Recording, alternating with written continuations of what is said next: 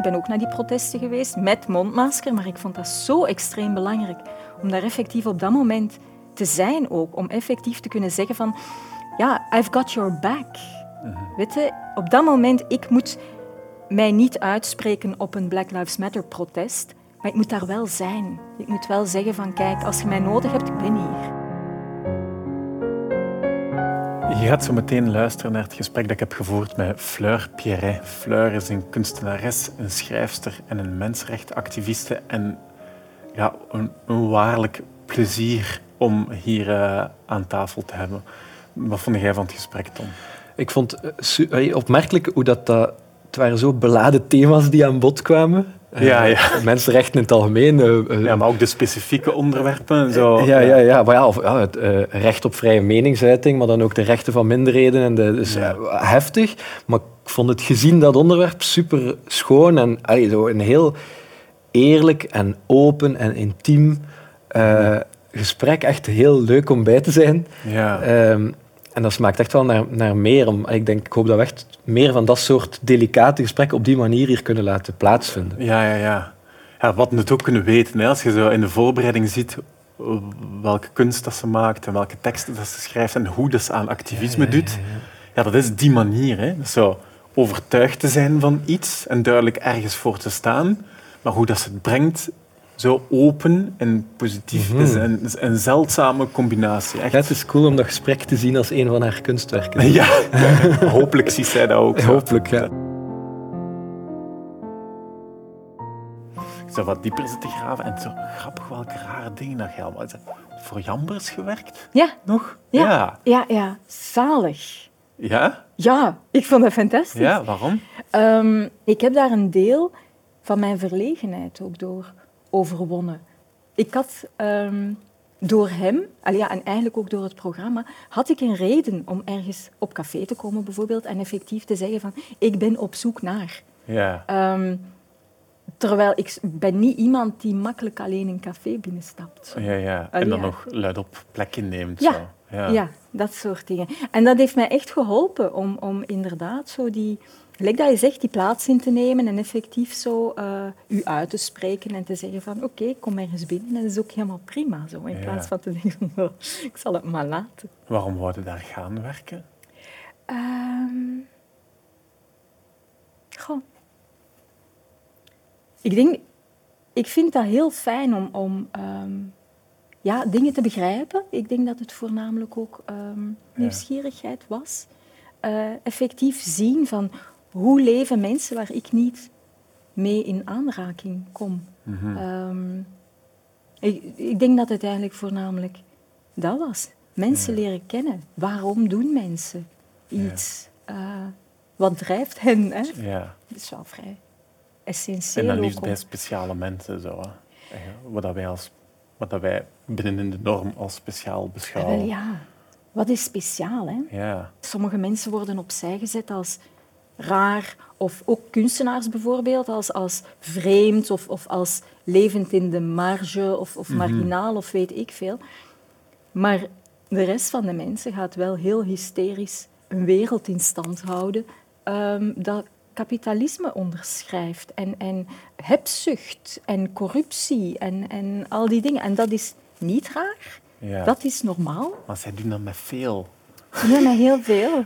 Dat is natuurlijk, hè. Ja. Ja, waardoor het de norm was. Eh, wordt, Ja. was en wordt.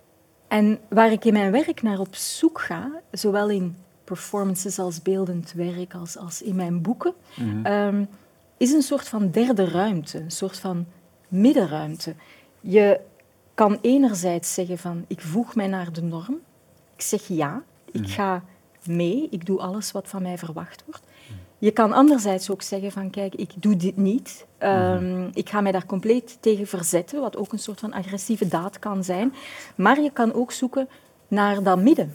Bijvoorbeeld met, met, met 22, hè, het trouwproject waar mijn vrouw en ik gingen trouwen in elk land waar het mogelijk was.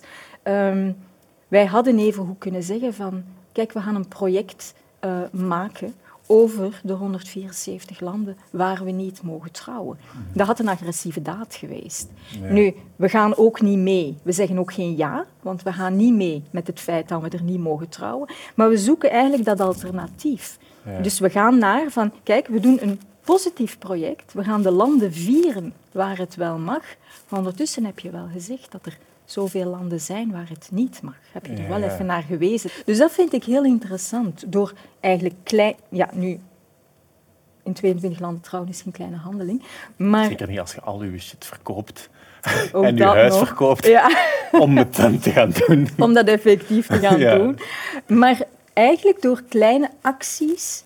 Um, ja, Hans, Hans die construct bloot te leggen. Ja. En op dat vlak ben ik eigenlijk heel blij dat ik queer ben, omdat um, als, je, als je geboren bent binnen een soort van heteronormatieve norm, dan worden er dingen van u verwacht. Hè? Mm -hmm. Dus op school worden, wordt verwacht dat je um, iemand leert kennen, dat je een huis koopt, dat je kinderen krijgt, een job.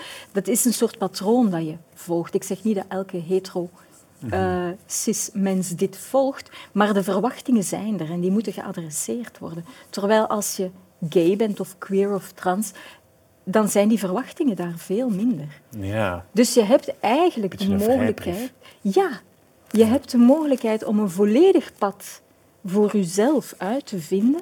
Um, zonder dat iemand iets anders van u verwacht, want je bent toch al raar, je bent toch al uit de norm. Dus wat een vrijheid is dat, dat er niks van u wordt verwacht. Dat is fantastisch.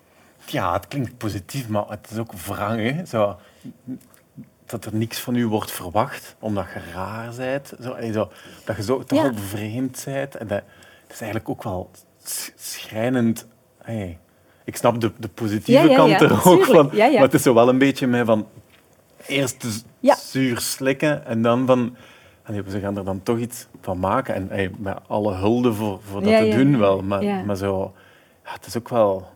Het, ik denk dat het, het is schrijnend als je niet in een accepterend land woont, zoals wij doen. Allee, ja, dan is het heel schrijnend. Het is schrijnend voor kinderen die op straat leven.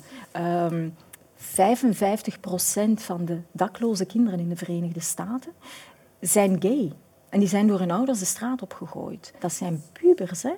Dus die zitten dan al met een, een, een geaardheid die ze moeten plaatsen.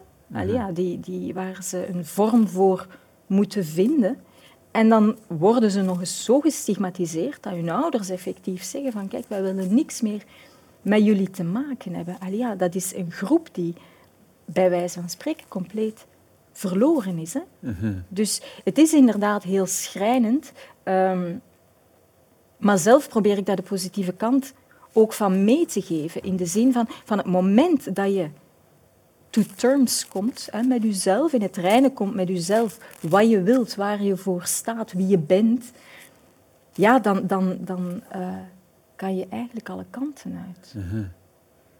Mhm ik was aan het lezen dankzij uw columnreeks in de morgen over de ja. Pansy Project. Ja, mooi hè? Ja, heel mooi. Ja.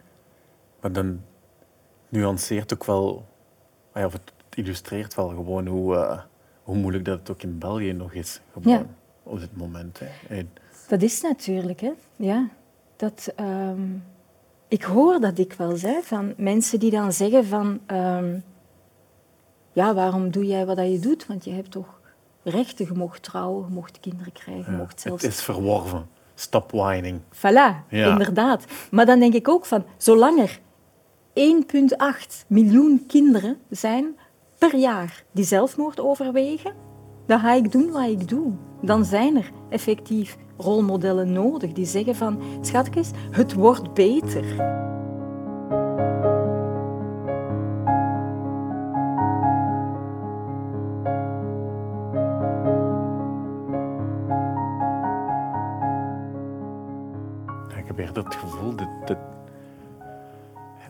Homo-haat, om die term dan te gebruiken, mm. dat, dat gewoon dat, dat het eerder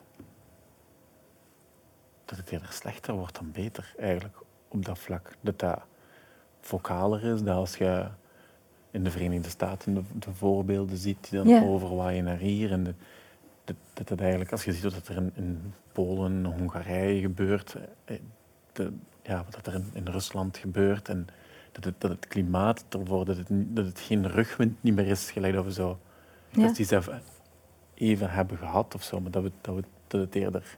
Denk je dat we het aan het... Ja? Ben jij van mening dat we het aan het verliezen Ja, ik zijn? weet het eigenlijk niet. Ik, ik, ik Ja. weet het oprecht niet, maar het is, het is wel iets dat ik heel...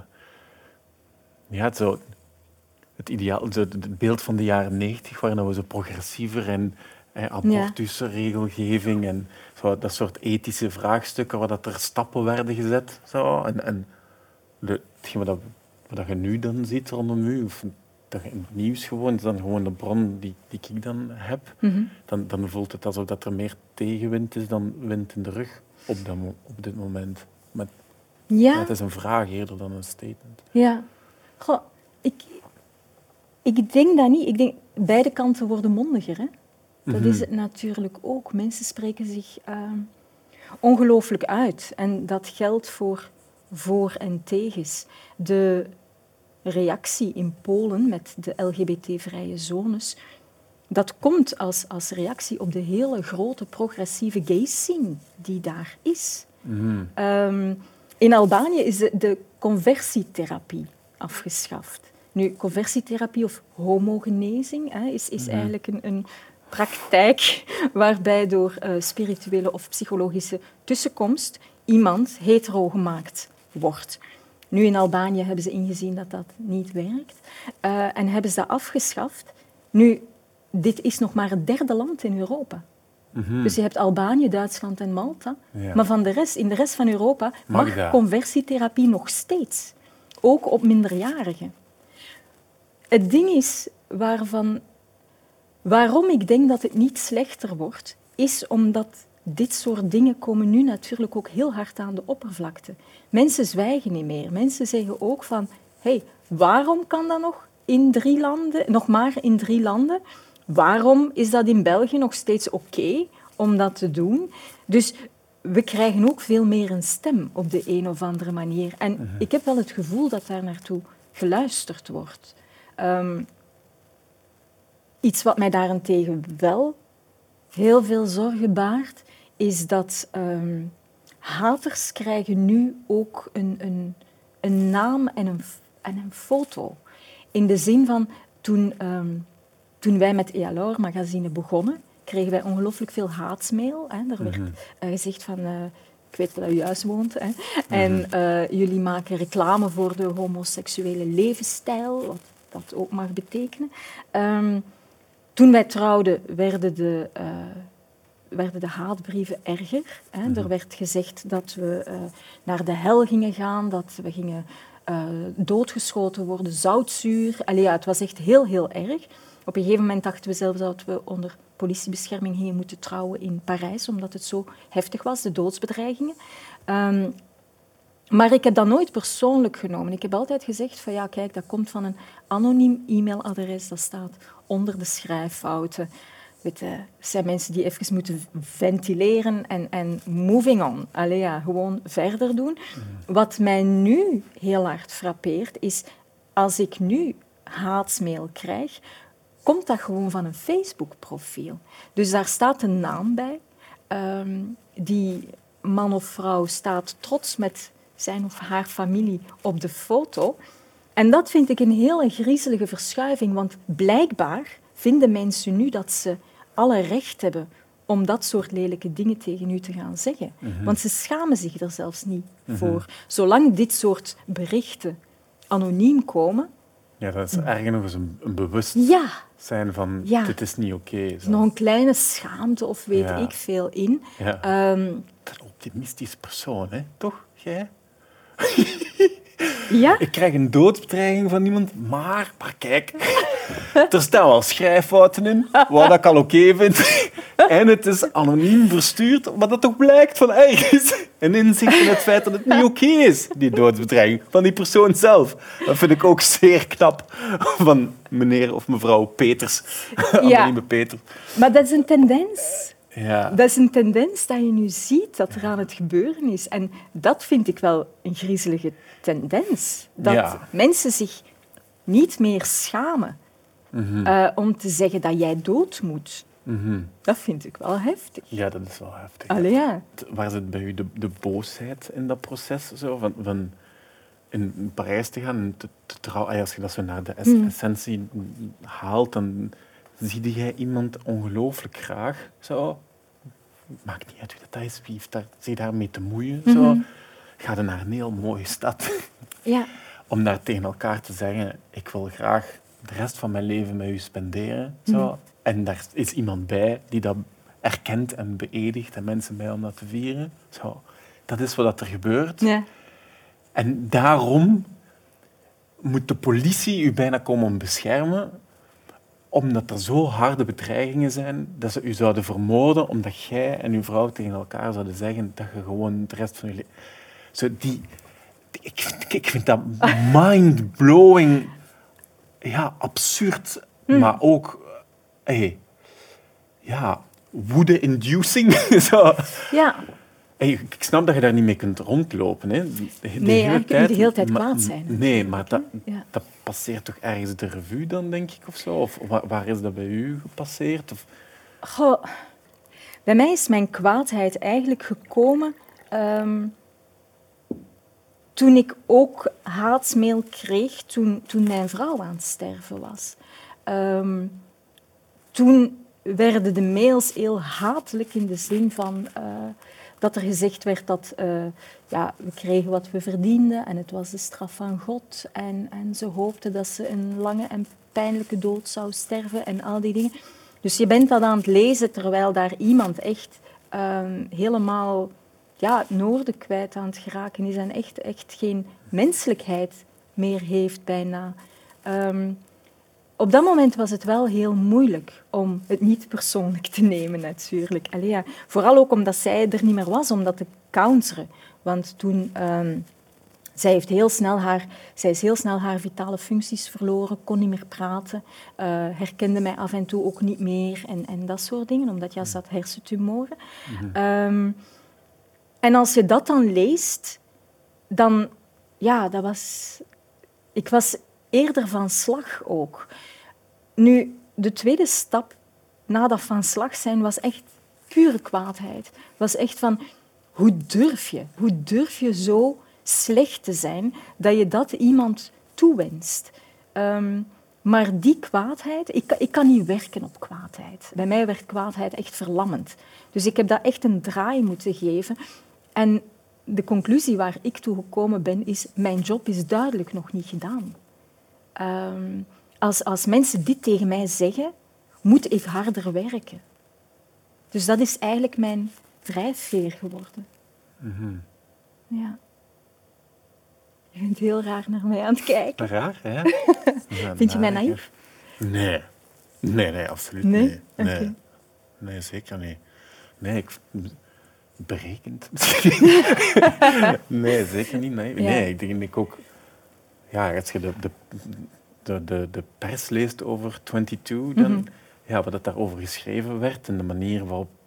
Ja, dat er over dat onderwerp gesproken werd daardoor en het optimistische dat daar Mhm. rondhing, ook het positieve dat daar rondhing, dan zie je ook gewoon welke impact dat, dat heeft. Ja. Er op die manier mee omgaan. Wat, wat, ik, wat ik moeilijk vind om te begrijpen, is, is de... Of wat, ik, wat dat mij heel heftig lijkt van inspanning, is het, is het omkeren van, van die kwaadheid naar die positieve actie. Zo. Het is, Ja. moet je denken aan eh ja, je andere wang te geven op het moment dat je hem hebt gekregen. Zo. Het, het, het, het, of, eh, Rashif Alkawi was hier. En die zei zo van, als acteur toon ik mijn nek. Zo. Als, ik, ik geef mij bloot, ik toon mijn nek, ik maak mij kwetsbaar. En het publiek kan bijten, Ja. maar dat is, ja, daar moet ik dan klaar voor zijn. Of het is eigenlijk een uitnodiging aan andere mensen om ook hun nek te tonen. Zo. Ja, En hopelijk schoon. tonen mensen diezelfde kwetsbaarheid. Maar zo die agressie voelen en dan daarop antwoorden met, met liefde en met positiviteit, ja, dat lijkt mij gewoon kei moeilijk. Ja, anderzijds, wat heb ik te verliezen? Hè? Ik heb het ergste meegemaakt dat ik kon meemaken. wat is er nog? Wat, wat gaat er nog gebeuren? Het is alsof ik een, een soort van... Sinds Julian is gestorven, heb ik zo een soort van ehm, arrogantie, misschien, tegen het leven. Ik kan echt zo zeggen van, bring it on. Niet tegenover mensen, hè, maar tegenover het leven, wat dan ook natuurlijk heel belachelijk is, want het is iets heel ongrijpbaar. Maar het maakt mij wel ongelooflijk ehm, ja, fearless. Dus dat maakt natuurlijk dat ik eigenlijk een, een soort vrijgeleide heb van mijzelf uh, om te doen wat ik wil en om te maken wat ik wil.